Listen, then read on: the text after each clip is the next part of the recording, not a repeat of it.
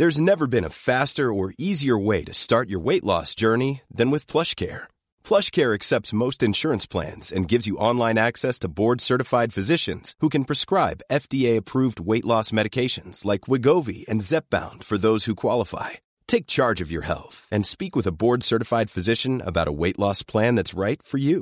Get started today at plushcare.com slash weight loss. That's plushcare.com slash weight loss. plushcare.com slash weight loss. I'm Sandra, and I'm just the professional your small business was looking for. But you didn't hire me because you didn't use LinkedIn jobs. LinkedIn has professionals you can't find anywhere else, including those who aren't actively looking for a new job but might be open to the perfect role, like me.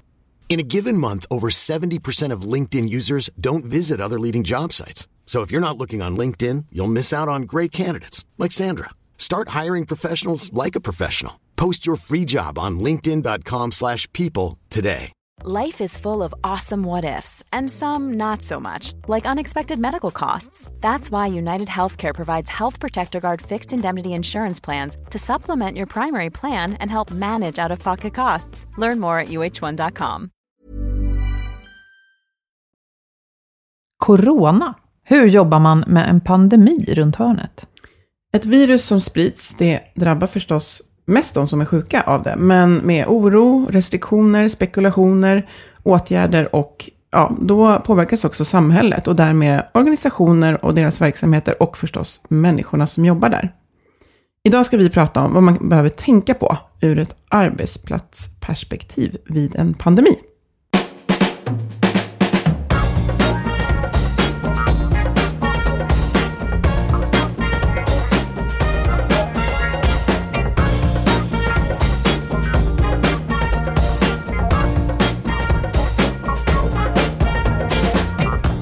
Du lyssnar på Health for Wealth, en podd om hälsa på jobbet.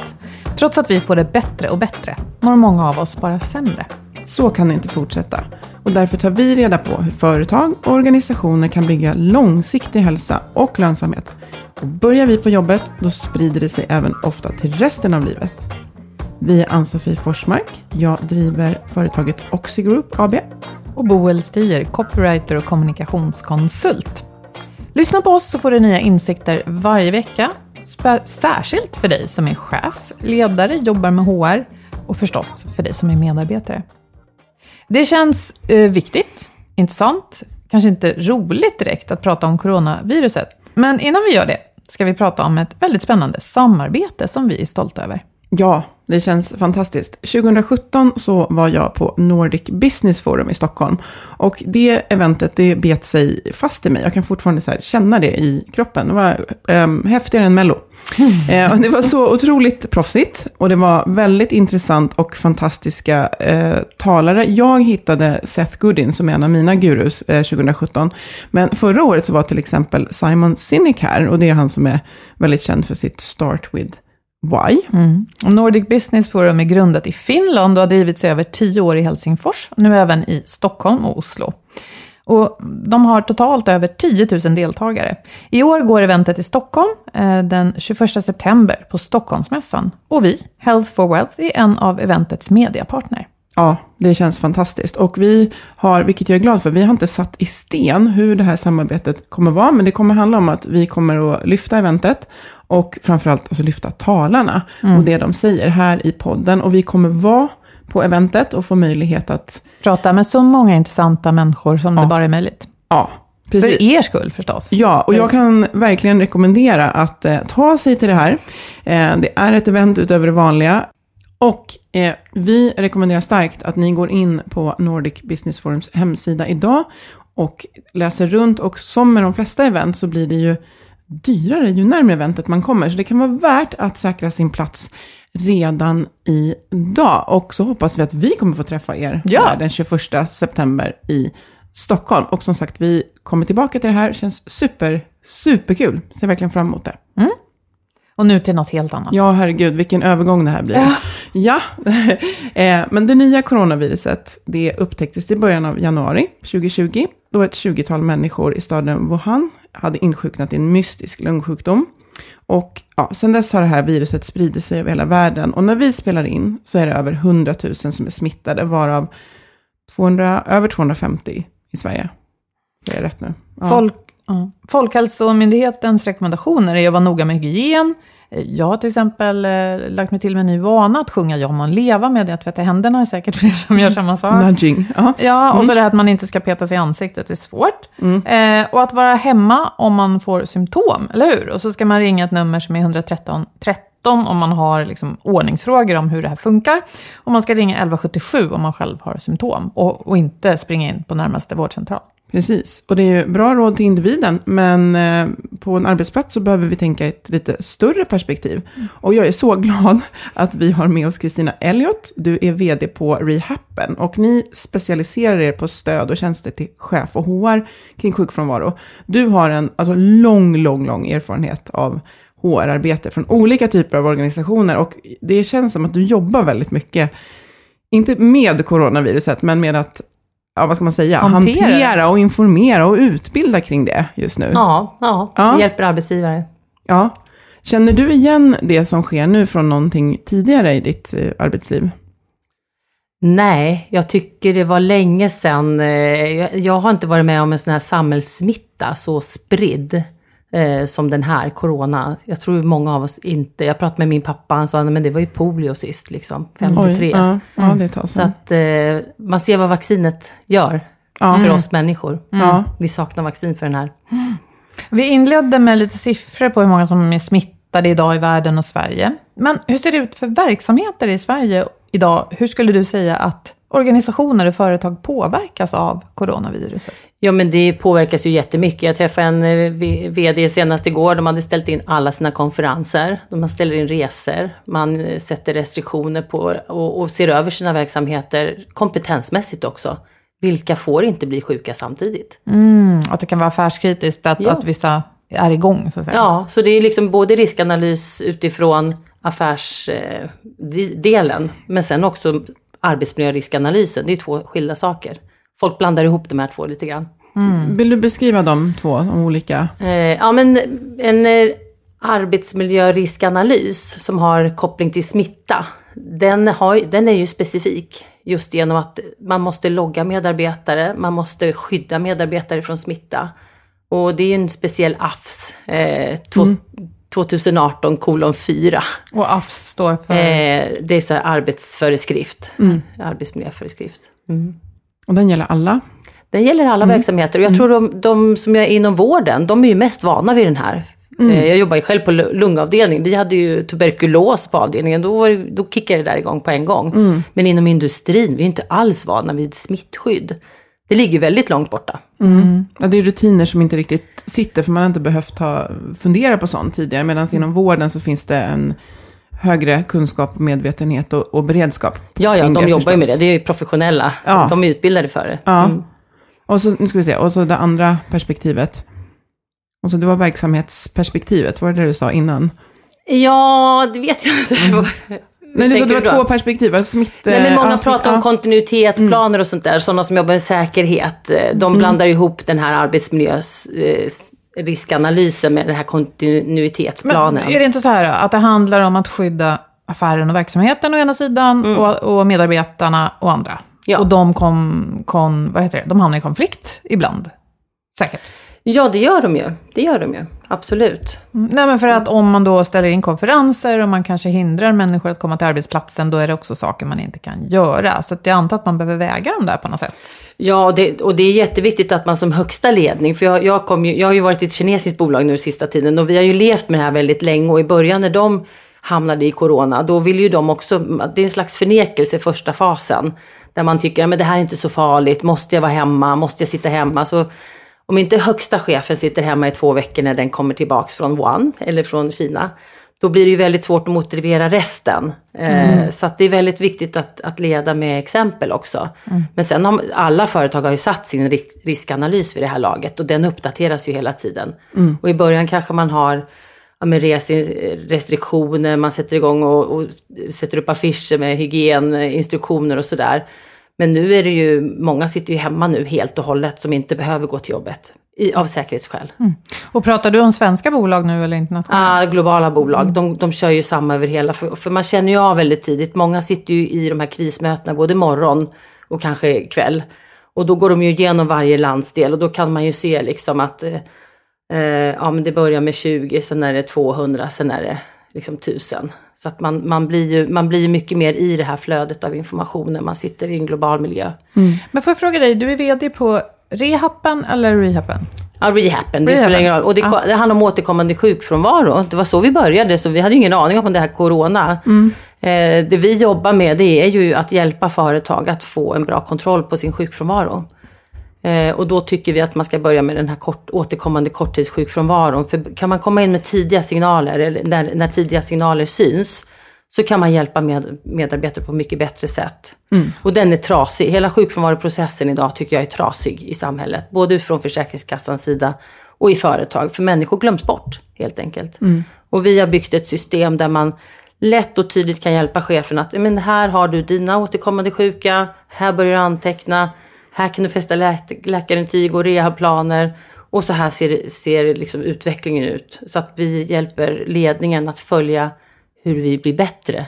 Inte den här procentsiffran som, som alla pratar om, 4% eller 6 eller vad det mm, kan vara. Så att se det mer som en process än en, en siffra då helt enkelt? Ja, en, en förbättringsprocess, inte bara en process. För mm. vi är bra på att mäta och skapa mm policies och rutiner, men de ska ju jobbas med. Mm, det görs det. inte Stötta överallt idag. Funka. Nej, men eh, mm. vad är din bakgrund? För nu sa du alldeles nyss att du har jobbat med ett stort kinesiskt bolag och så mm. nämnde du att du har jobbat inom vården. Eller? Du sa... Jag har jobbat i alla branscher. Jag har liksom förhandlat med Gruvtolvan och jag har jobbat i spelbolag, jag har jobbat med EG i industrin och jag har varit i makaronifabrik. Jag, jag hade tio år som managementkonsult först och sen jobbade jag tre år inom bank med ledarutveckling. Och sen har jag jobbat inom HR sedan 2005 då, som HR-chef och HR-expert. Så jag har sån här baklängeskarriär kan man säga. Jag började med liksom Volvos koncernledning och titta och sen nu sitter jag med, med den sjuka, lite alkoholpåverkade gubben på lagret liksom. Hörru du, dags att ta sig till jobbet liksom, eller ta tag i sitt liv. Ah, eh, så. Ja, det är intressant. Jag, jag, tycker det är kul att, att, jobba med nya saker. Och mm. sjukfrånvaron är ju en del som jag tycker idag inte fungerar så bra. Mm. Nej, det är fler som håller med. Jag tänker att det här är ju verkligen nytt ändå, även fast det, du känns som att när det här coronaviruset uppdagades så var du igång och jobbade med det ganska tidigt i med det här kinesiska mm. bolaget. Men vad mm. är, vad är skillnaden eh, mellan det här covid-19 som det heter då och en vanlig sjukfrånvaro, om man tittar liksom lagmässigt, vad är det som gäller? Det som gäller lagmässigt, när du är sjuk, när du är sjuk som vanligt, då ringer du till din chef och den sjukanmäler dig. När du är sjuk i corona, då behöver du loggas i bolagets gemensamma lista. Namn, personnummer, var du var någonstans, har du blivit utsatt för den här smittan på jobbet? Och sen måste man spåra. Mm. Vilka andra i vår verksamhet kan ha blivit drabbade av corona tack vare att den här medarbetaren och det är lite därför jag tror man har de här två reglerna för det är ett riktigt, riktigt jobb. Mm, och sätta igång och, och, och spåra. Eh, så då är det enklare att ha de som eventuellt kan vara hemma istället. Vem åker på de här arbetsuppgifterna? För det är ingenting HR, man gör ja. HR och cheferna. Mm. Och jag tror att mycket, precis som all, eller mycket sjukfrånvaro så är det väldigt mycket manuell hantering. Och det är därför vi har byggt ett system för det. För att det, det blir ju, man lägger ner så mycket tid på att bara hålla på och administrera. Istället för att jobba med samtal eller jobba med frågan. Och sen tycker jag också det man ska tänka på som arbetsgivare som, som man glömmer, det är ju det, är det här medmänskliga. Man blir väldigt rationell. Och plötsligt så får någon inte komma till jobbet. Det, det känns i kroppen när man inte är välkommen. Mm. Det känns när man har, har, smittat andra, eventuellt smittat andra. Mm. Och ovanpå det naturligtvis oro om man har en, ett farligt virus som vi vet väldigt lite om. Ja, och oron är ju en del som man också behöver stoppa in i den här riskanalysen. Oron är en stor del av det hela och, och det man hjälper eh, sina medarbetare just runt oron, det är ju kommunikation. Mm. Att få pys, pysa tillsammans och täta kommunikationsinsatser. Hur kan man göra det då när några sitter hemma och kanske känner att eh, ja, man kanske till och med skäms som du säger för att man har råkat smitta någon annan, ovetande förstås. Mm. Eh, och när man så här, Skype-samtal för att få prata med varandra, eller hur gör man? Ja, men jag tror idag har vi mycket Skype. Vi som har jobbat globalt i många, många år, vi är vana vid att eh, träffas digitalt. Eh, så att eh, det blir ju samma i princip. Men jag tror att det är viktigt också att vara, att tänka på hur man, hur man säger saker. Eh, och det, det, det går på all sjukfrånvaro. Att man har respekt för att varje individ har sin berättelse och sin situation. Det är Och, och jätteviktigt. vad tänker du då? Är det lätt att man lägger ord i munnen på folk eller? Nej men man kan ju raljera om sjukfrånvaro, hur smart var det? Eller liksom sådana där saker. Och det kan sättas i människor. Så att man behöver tänka på hur man uttrycker sig också. Men i det här fallet kan det ju vara då att man är tvingad att vara hemma därför att man har varit på resa till Alperna i Italien till exempel. Mm. Och eh, vad, ja, men vad är det man behöver tänka på kring kommunikation då? Kan det vara, ehm, alltså, man informerar om att nu har vi x antal medarbetare som håller sig hemma för att de har varit i ett visst område eller för att de är smittade. Hur, hur mycket ska man berätta? Nej men i, det som är skillnaden tycker jag det är ju det här med sekretess när man är företag. Man jobbar inte riktigt på samma sätt för folk delar själva med välvilja liksom att jag har varit där och där. Och till, till exempel idag ska jag till en kund i, i Östergötland. Då, då, då får jag ett meddelande innan att jag måste uppge var jag har varit någonstans. Eh, jag får inte ha varit i närheten av någon som har varit smittad för då får jag inte komma in. Och det, det här är ju en liksom, viktig fabrik för de producerar massa mat. Eh, och där, det måste, maskineriet måste ju funka liksom. Så att jag tror, eh, man frågar mig visst, jag har, ju, jag har ju rätt att vägra svara så. Och det tycker jag är skillnad när man ringer, i början då när jag ringde till Folkhälsomyndigheten. De var ju väldigt inne i det här att ja, men vi kan inte utifrån lagar tvinga folk att vara hemma. Men det vi gjorde efter samråd med Amega och så, det var ju att använda oss av den här att leda och fördela arbetet. Och då förhandlar vi bara med facket enligt MBL 11. Eh, och sen kommer skydd, tillsammans med skyddsombud och fack då, så kommer man överens om att ja, men vi, vi gör den här riskbedömningen. Det här är den åtgärden som vi ser ger en stor effekt. Och därför skickar man hem folk som har kommit från de här drabbade områdena. Mm. Vilka är det som gör det här jobbet du pratar om nu? Är det en- en vanlig organisationsledningsgrupp eller? Alla företag har ju ett, ett huvudskyddsombud och det, det är ganska kort tid innan alla huvudskyddsombud kom och knackade på HR eller tvärtom att HR knackade på skyddsombudet och sa att nu måste vi göra någonting. Eh, och då sätter man sig ner och, och de flesta bolag har ju också en, en skyddskommitté. Och skyddskommittén kan ju då bli kris... Eh, kristeamet om man säger som följer ett, ett, ett förlopp kring, kring någonting som har med att skydda medarbetare och medarbetares arbetsmiljö. Ibland är det ledningsgruppen, men vissa bolag har ju skapat en egen team, ett eget kristeam vid sidan av. För att det tar ju väldigt mycket tid för en ledningsgrupp att bara fokusera på det här. Så i riktigt stora bolag har man säkert en ansenlig mängd människor som bara bevakar det här nu. Svar ja. ja. Och sen så pratar vi mycket med varandra också. Det är, det är också väldigt svenskt. Jag vet inte om det fungerar så i andra länder. Men i, i Sverige där det, det går väldigt, väldigt snabbt att man chitchattar emellan. Man ringer Volvo, man ringer ICA, hur gör ni, hur gör ni, hur gör ni? Och så har vi vår arbetsgivarorganisation och så ringer man runt till facket ett varv. Vad tycker ni? Ja men då, har, då, då är det liksom alla arbetsgivare, alla arbetsrättsexperter, alla samlas. Och sen så kommer man fram till ett, ett ja men så här måste vi förhålla oss. Så det går ganska snabbt att kalibrera liksom ihop det. Eh, nu kommer vi att släppa det här avsnittet ganska kort efter att vi spelar in. Så det kommer fortfarande vara högaktuellt. Eh, man, jag skulle kunna tänka mig att nästan alla organisationer har gjort något. Men finns det någon checklista på vad man inte får missa? Jag tänker om man är sådär ganska få. Du vet, när man inte är flera tusen, man är inte flera hundra, man kanske är åtta kompisar som startar en verksamhet eller 20. Vad är det man inte får missa att göra? Som om man inte har gjort det så får man göra det nu. Nej, men det är ju att göra den här riskanalysen eh, enligt SAM. Här, eh, och det handlar ju om att eh, dels titta på vilka risker har vi och sen också att starta eh, delar som handlar om att förebygga och lindra de här riskerna och sen sätta ett namn på ansvarig. För att har man inget namn på ansvarig så blir det liksom inte följt. Och sen när man ska återrapportera till gruppen igen. Och sen så är det viktigt att man följer upp och kommunicerar också hela tiden. Så att det finns ju ett sånt jättebra hjul eh, som man kan Ja. titta på Arbetsmiljöverkets hemsida. Ja, det, alltså, det du beskriver det är ju, det är ju samma Det SAM. metodik, det vanliga SAM, Ja, systematiskt ja. arbetsmiljöarbete.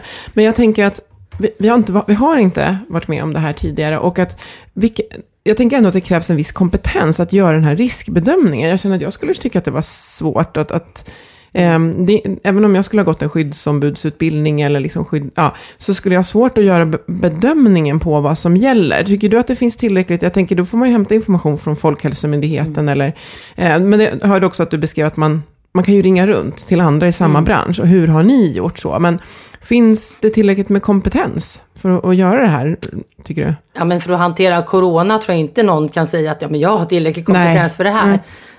Men det man kan göra, det, det som är skillnaden, det, det är ju den här att man, att man förstår att den här är en annorlunda eh, sjukfrånvaro än den vanliga. Mm. Dels ska du ju logga i 10 år, ska du logga dina medarbetare, eller 40 år. Om de blir drabbade. då? Ja. Ja. Och vad är det man loggar då? Därför att det, kan, det, det är en samhällsfarlig smitta. Och det, är, det kickar igång speciella regler kopplat till det. Okej, Och, och idag vet vi inte hur länge man bär den här smittan och så, men ja. Ja, och sen, sen om man blir, ja men det är för alla fall man blir skadad av den. Jaha, så det är inte bara, Mm. det har inte med smittspridning att göra då, utan det har med... Nej, men det är arbetsskydd. Det, Ja. kan, det kan klassas som en som arbetsskada. Men det här... Och det har inte folk, folk har inte koll på. Arbetsmiljöarbetet i de flesta företag skulle kunna ske på ett mycket, mycket bättre sätt. Mm. På de flesta ställen. Jag tänker vi, vi kommer in lite på, och du var inne på med krishantering och kommunikation och att det, det är inte läge för eh, högsta ledningen att eh, strunta i eh, rekommendationerna och komma till jobbet för då sätter det lite så här som kultur, det sätter sig som en, ja, sätter tonen för det. Men vad, vad är viktigt att tänka på just när det gäller, för det, det blir ju en typ av, av kris oavsett hur, hur stor man upplever den. Det är ju också individuellt hur orolig man blir. Vad är, vad är viktigt att tänka på där som, som organisation?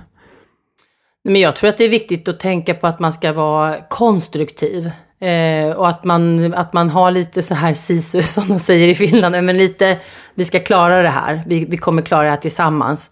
Och sen inte förneka eh, en risk. Det, är, det, är en jätte, det i sig är en risk att man förnekar en risk. Och du beskrev det som att det är så vi liksom kollektivt gör först. Ja. Nej, det ser man ju. Ki- Kineserna säger, men Swedish government is doing exactly the same as the Chinese. Och nu ser vi i USA, det är full kampanj i USA. De träffas, de är tajta, de står och hejar. De, de har ju inte vaknat till i, i USA ännu. Så du menar att den första fasen, och kanske speciellt när någonting nytt inträffar som är okänt och vi inte vet riktigt eh, liksom, innebörden och effekten av, så är det mänskligt då att vi förnekar, eh, spelar ner och så vidare. Och sen så kommer insikten sakta krypande. Ja, men man blir ju arg däremellan. Ni vet den här vanliga förändringskurvan. Då blir man först förnekelse och sen så blir man eh, frustrerad. Sen blir man jävligt förbannad. Man kan rikta den här ilskan mot någon specifik person, ledning, en ansvarslös person. Och sen så inser man, det, det hjälper ju inte utan vi måste börja jobba med frågan. Eh, så att den, den eh, hänger ju i, i alla former av Och den kan förändringar vara och kriser. beredd, Kriskurvan. den, den kan vara lite bra att vara beredd på då, speciellt om man har en ledande position, att det kommer ilska och kritik, befogad, inte befogad. Och här är det ju svårt förstås, för jag tänker att när ingen vet exakt, eh, Folkhälsomyndigheten kanske förändras över tid, för att det kommer ny information. Och, och, och samtidigt som du säger så ringer man till andra stora bolag, hur gör ni? Det är ju som vi brukar prata om, det är väldigt populärt att prata om förändring och sådär och osäkerhet. Ja, men det här är ju ett utomordentligt exempel på Ja, det. gud ja. Det här är ju jättestort. Och jag tror det blir framförallt väldigt märkligt när, när vuxna får sms när man är ute och reser med jättestor säkerhet. Medan man, barn har ju generellt sett en mycket mindre säker arbetsmiljö. Både när de idrottar och när de är i skolan. Det vet vi ju från, från tidigare. Och det blir ju än mer ett exempel på det. Att det är stor skillnad ja, på skolor och arbetsplatser. Ja, hur, hur, man, hur man skattar en, eh, ett barn. Som, de, de skattas ju inte som medarbetare, de har inga fackliga organisationer, de har inga skyddsombud. De, de är liksom, man, man, eh, man jobbar på ett helt annorlunda sätt i, i skolvärlden mot vad man gör i företag. Men eh, om man förenklar så det finns ju de som tycker att man tidigt bara skulle ha sagt till i stort sett alla människor håller hemma, vi stänger samhället. Eh, och då säger, säger andra att ja, men om alla håller sig hemma då kommer vi ha mindre koll på eh, smittvägar och sådär. Det har jag i alla fall hört någon eh, sådär från Folkhälsomyndigheten som säger. Och det är väl återigen den här, vad ska jag säga, en konflikt mellan det som vi som individ kan uppleva som "Ja, men det här vore väl enkelt att göra. Men då ser man som kanske myndighetsperson andra saker och hur oro kan, alltså en oro som sprider sig i samhället kan också skapa faktiskt farliga effekter. Verkligen, och, och det, det där är ju inte alls mitt kompetensområde, inte det minsta. Nej, men vi kan, vi kan Eh, ändå resonera. Ja, men till exempel min farsa han är ju läkare så jag sa, ja men du får hålla dig hemma. Han bara, jaha, ja då får jag nog bestämma mig redan nu för i så fall måste jag hem, hålla mig hemma ända till hösten. Och det är jag inte säker på att jag vill. Nej, precis. Men sen så blir ändras ja. det, så ringde jag häromdagen, nej men nu har jag nog bunkrat lite i alla fall. Ja. Men det är, jag tycker det där är intressant för nu får man väl ändå säga så här att den, det här viruset verkar ha då en relativt låg dödlighet. Alltså är man äldre ska man vara väldigt försiktig. Men det verkar ju inte som eh, vi som inte är pensionärer till exempel eh, behöver vara så rädda för att i alla fall dö. Men tänk om det skulle komma ett sånt virus. Och så tänker jag så här, okej vi stänger ner samhället, det kanske vi klarar ett tag. Om vi har gjort det som står i den här när krisen kommer och har några konserver hemma. Eh, och vattentillgång och sådär. Men de som jobbar i sjukvården och de som jobbar i men brandförsvar, det finns väl säkert några branscher till. De kan ju inte bara säga nej. Och det är väl intressant att fundera på. Mm. Då måste man ju utsätta sig för en högre risk.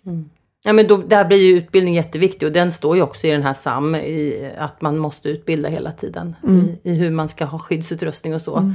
Men det är väldigt intressant det du säger att just det här synsättet, ja men äldre, eh, då spelar det ingen roll. Eh, eller så här. Och det är klart att eh, man kan ju inte se på människor på olika sätt så, men det kommer ju bli väldigt svårt att själv, att, att få vårdplatser. Om, det, det kommer ju bli fullt alltså på sjukhusen. Det ser man ju på andra ställen. Och sen är det ju så att vissa, har man synen att ja, men vi ska alltid skydda människorna. Eh, då blir det ju väldigt lätt att, att förstå att ja, men det här, vi måste ta det på allvar.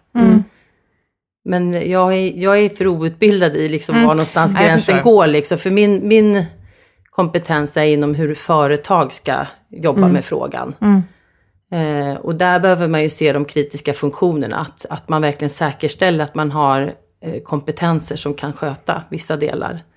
Och det ska man ju alltid tänka på, men det blir extra viktigt när man ser att ja, men, om alla de här eh, sitter i samma bil på väg till jobbet. Man brukar till och med förbjuda sånt. Jag vet jag jobbar med fabrik i Uppsala, då var det så här, men gud den här bilen, de får inte åka i samma bil, för de kan just de här.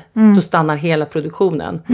Så att det, det är ju samma tänk som man alltid har, att man ska bredda kompetens, så att fler kan hitta till nycklarna och kunna processer och sådana saker. Jag tänker det blir ju verkligen den här balansen mellan att eh, hur, hur, slå, slå på den stora trumman eh, och med det också förmodligen alltså elda upp mer oro, för det gör det ju också. Eh, och där blir ju den här kommunikationen så otroligt viktig, att vi, vi tar det här på största allvar. Vi tar i lite mer än vad vi nästan ser är nödvändigt, men det är för att skydda. Och vi, alltså både ekonomiskt och med omtanke om människan så tjänar vi ju på det. Men det är ju den här fina balansen. Jag tänker både man liksom lyssnar på Folkhälsomyndighetens uttalande att de måste ju väga sina ord liksom väldigt försiktigt. För att det, vi vill ju inte ha rädda människor i samhället heller. För vi, våra hjärnor funkar inte speciellt bra om vi går omkring och är rädda hela tiden. Vi behöver ju vara nyktra och logiska och tänka och uppmärksamma. För då har vi ju större chans att, att faktiskt hantera den här smittspridningen om vi klarar av att vara eh, i vår lite modernare hjärna. Men det är en jättesvår balans där. Ja, för det här med oro kan ju låta som att ja, ja, någon behöver en klapp på axeln. Men då kan ju det leda till att väldigt många börjar hamstra mat, mat faktiskt tar slut, eh, att börser rasar, vad det Ja. nu innebär att faktiskt kapital försvinner för verksamheter som då inte kan fortsätta att göra saker, slutar leverera saker och så vidare. Ja men vi kommer få uppsägningar på, på sikt. Det kommer ju bli redundancies eh, vad det lider ju. Om inte man liksom kan hindra det här. Men jag tror att det är ett, ett sätt som jag tycker är bra att förhålla sig till hur det kommer bli sen. Det är ju att jobba med scenarier. Att man har tio f- alternativa framtider. En som är worst case och en som är liksom best case. Och sen allting däremellan. För då är man ju lite förberedd. Och då kan man se worst case, vad måste vi göra då? Och mellancaset, vad gör vi då? Eh, och sen titta på, men finns det åtgärder under worst case som vi faktiskt redan kan jobba med nu? För att förhindra att vi hamnar i worst case. Eh, och där tror jag att man, det här med tillit, om, om, om någon säger hela tiden att det är no trouble, no trouble, big trouble brukar man säga, att det betyder att har man om inga problem, då är det stora problem. Ja, För att man, man känner att det döljs. Mm. någonting under. Så när man har jobbat, eh, ja, men jag har jobbat lite i sjukhus, då brukar man fråga, om det är på individnivå, så frågar man patienten, vill, vill du, vad vill du veta? Eh, och vissa vill inte veta, men det är fine. Men om man tittar på nästa person, men jag vill ha, jag vill ha en ärlig, jag vill veta, jag vill vara involverad eh, i min hälsa. Och då, då vill man ju höra alla olika scenarier, så att man inte känner sig lurad efter ett tag, att alla andra vet men inte jag. Eh, så jag tror att det är viktigt med ärlighet också för att Mm. man ska ha förtroende.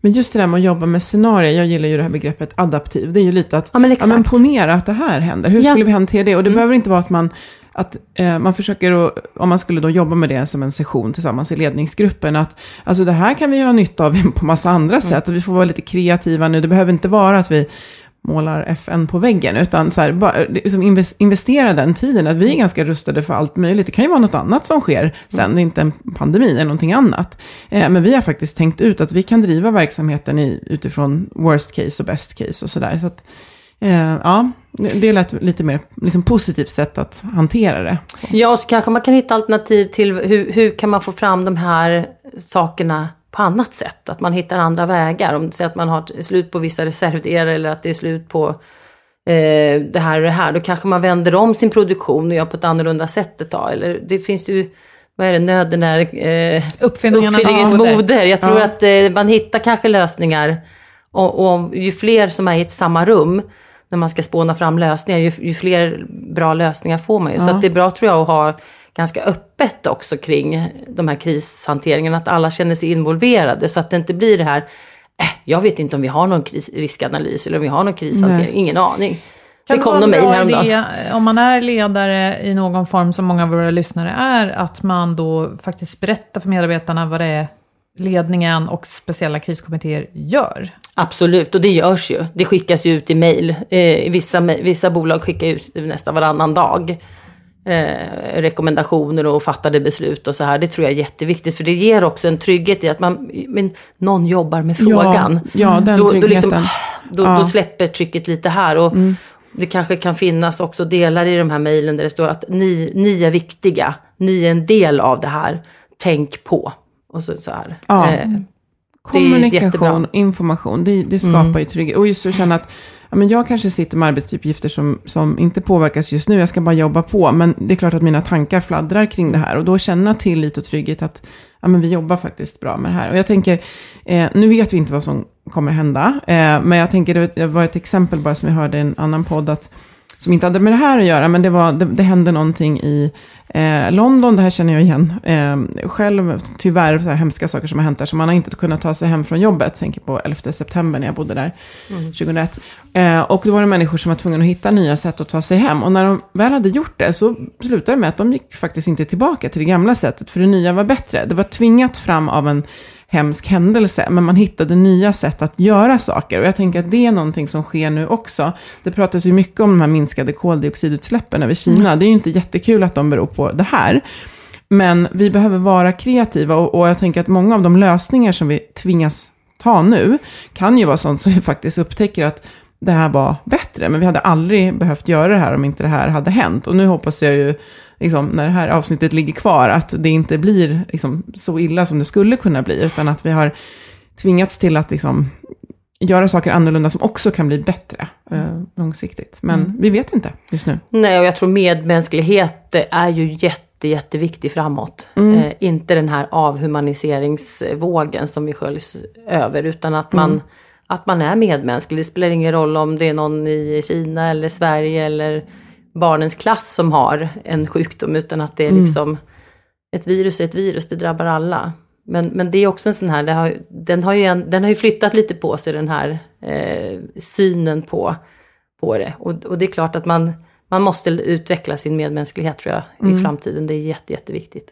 Och den är, den är svår, för man blir ju, när man blir rädd så är man ju, då är det ju du, eh, vi och dem. Ja, alltså så man det. hamnar lätt i det. Och det är ju jätteviktigt att förstå att det är så vi funkar och att vi, vi, det är vår reptilhjärna som slår till. Och det behöver vi ju stämma i bäcken för och, och ha kunskap om. Jag tänker det är så, finns så mycket kompetens inom just HR eh, som förstår människor väldigt bra. Och det som profession. Så. så att, Och beteendeförändringar är ju jättesvåra. Det är bara det här hur vi hälsar på nya sätt.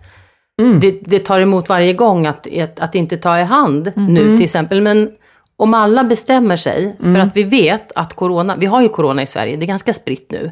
Och det, det smittar från svensk till svensk, det vet vi ju. Och, och är alla lägen med smitta, då, då kanske det är läge att, att börja ändra sitt beteende. Men då må, det är mycket, mycket lättare om alla gör det samtidigt.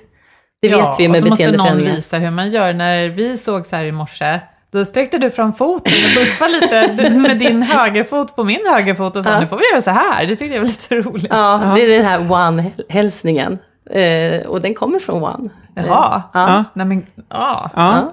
Herregud. Ja, det, Ja. ja och, jag, och jag tyckte det var jätteobekvämt. Och, och blev liksom så här, men jag ska, jag ska tänka på det nu, att det är ju inte att vara Kolla otrevlig. Ja. Ja, det är ju faktiskt ehm, helt liksom Ja, eller så legit. kan man, kan man inte bara Vatten. liksom hålla upp en hand så här, hej hej, ska vi Jo. Hålla avståndet? Ja, bra. Så. Ja, Eller? jag tror Vattenfall införde någon, de skickade ut en film till alla nu som, med annorlunda sätt att hälsa och de har avvecklat eh, och då är det ju så mycket lättare. Alltså Alla gör det istället för att samtidigt. du ska behöva gå runt till, hörni, ska vi testa det här eller så. Men jag tänker, vi, ska vi avsluta med något, något, om, något gott exempel där du, som du har sett, där man har, det behöver inte vara hela, hela insatsen mot eller för det här eller hur man ser på det, men något, något gott exempel på en insats. Nu tycker jag det här var bra, det som du beskrev att Vattenfall hade gjort. Eh, för det, då kommer det ju liksom från hela organisationen istället för att alla chefer Måste ska... uppfinna hjulet. Ja, precis. Men något annat bra exempel på, på någonting som har gjorts i, inte i spåren av corona, för vi är mitt i det. Så. Mm. Åh, vad svårt. Eh, jag, tyck, jag har svårt att vara så här peppcheck Ja, när jag det förstår. är blodigt allvar. Ja. Liksom. Eh, Men det är klart att man lär sig, det säger, det säger ju alla, att vi kommer ju sitta här och titta på hur, vad hade vi för, för, för beredskap för det här. Mm. Och det, jag tror att eh, förhoppningsvis kanske sjukfrånvaro hamnar högre på, på, i prioritering. För att det kostar ju företag jätte, jättemycket pengar. Corona kostar jätte, jättemycket pengar. Mm. Oh, ja. Och det här lyhördheten, att, att, eh, att den som hi- hissar en röd flagga, att den, att den ska bli lyssnad på Ja. också. Mm. För det finns en tendens att, vi, att eh, liksom negligera. Mm. Eh, Och det gäller ju även om man skadar sig på jobbet eller om man ser risker. eh, Att vi behöver bli bättre på det, helt enkelt. Sluta sticka huvudet i sanden? Är det det du menar? Ja, grann? ja. Och tänka att det är nog inte så farligt. Ja, och sen också att, det att alla behöver ta ett eget ansvar. Eh, alla kan göra något för någon. Man ser ju liksom, du berättade om 11 september, vi har ju också bombdådet liksom. När folk hjälpte varandra hem och busschaufförer stannade längs med hela vägen och såg till att folk kom hem. 7 Det dö- april 2017 tänker du på? Eh, ja, det, det händer ju någonting med oss människor. Om vi bara kan komma över den här att alla är arga på någon. Att komma in i, i nästa fas. Att nej, men nu får vi kavla, kavla upp ärmarna och, och liksom verkligen minimera och stoppa smitta. Och fasen vara hemma från jobbet om man känner lite. Och det, jag, går ju all, jag är ju aldrig hemma från jobbet eh, i princip. Så jag är ju verkligen en sån eh, som skulle behöva tänka efter både en och två gånger innan jag går till och hostar på massa människor. För det, man ska inte shopa sig, men i det här läget, vi ska vara lite shopiga. Ja, och vi behöver Och det är hjälpa varandra att många. vara det. Ja, jag Ja. tänker att man, att man säger, men heja dig, snarare än att man säger, nu känner jag mig lite löjlig, men jag funderar på, blir det här av? Och jag som i mitt jobb också är ute och träffar många, inte sitter i knät på folk som tur var. Jag tänkte på det, att jag står ju ofta en bit bort, men, men äm, en samarbetspartner till mig nästa vecka. Och jag kände så här, gud ska jag fråga hur de har tänkt kring det här? Och så bara förekommer de. Och bara, vi, vi kommer göra så här med anledning av coronaviruset. Och jag känner så här, gud vilken, vad skönt att ni gör det. För jag kände faktiskt en oro för det.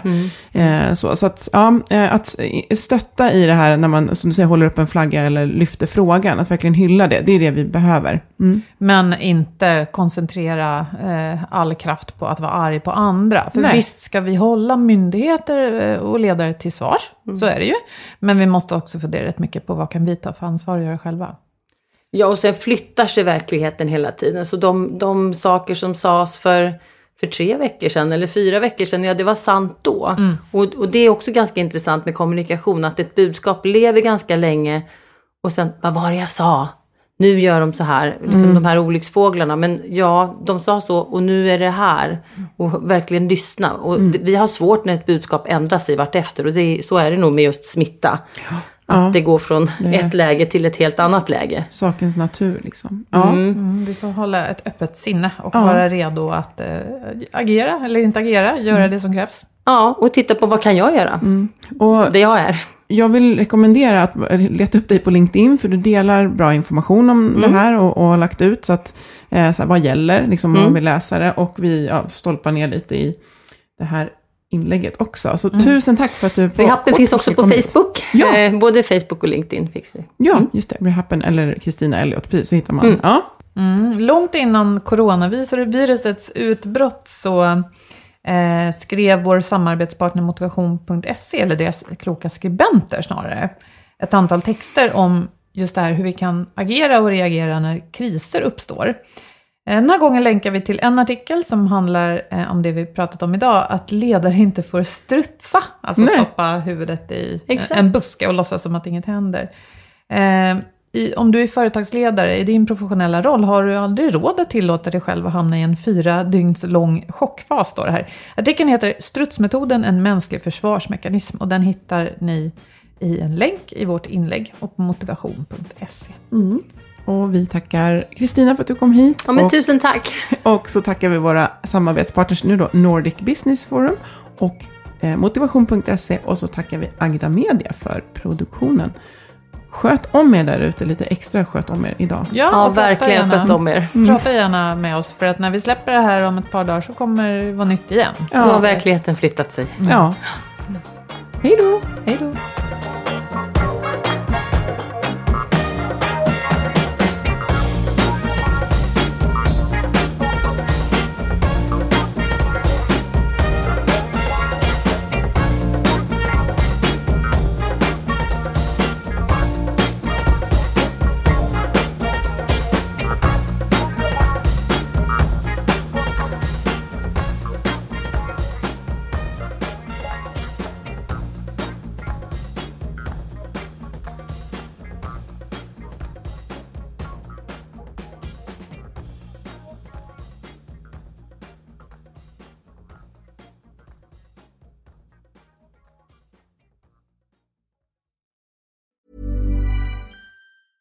Ever catch yourself eating the same flavorless dinner three days in a row? Dreaming of something better? Well, HelloFresh is your guilt-free dream come true, baby. It's me, Kiki Palmer. Let's wake up those taste buds with hot, juicy pecan-crusted chicken or garlic butter shrimp scampi. Mm. Hello Fresh. Stop dreaming of all the delicious possibilities and dig in at HelloFresh.com. Let's get this dinner party started. Even when we're on a budget, we still deserve nice things. Quince is a place to scoop up stunning high-end goods for 50 to 80% less than similar brands. They have buttery soft cashmere sweaters starting at $50, luxurious Italian leather bags, and so much more. Plus, Quince only works with factories that use safe, ethical, and responsible manufacturing. Get the high-end goods you'll love without the high price tag with Quince. Go to quince.com slash style for free shipping and 365-day returns. Imagine the softest sheets you've ever felt. Now imagine them getting even softer over time. That's what you'll feel with Bowl and Branch's organic cotton sheets. In a recent customer survey, 96% replied that Bowl and Branch sheets get softer with every wash. Start getting your best night's sleep in these sheets that get softer and softer for years to come. Try their sheets with a 30-night guarantee. Plus, get 15% off your first order at bowlandbranch.com. Code BUTTERY. Exclusions apply. See site for details.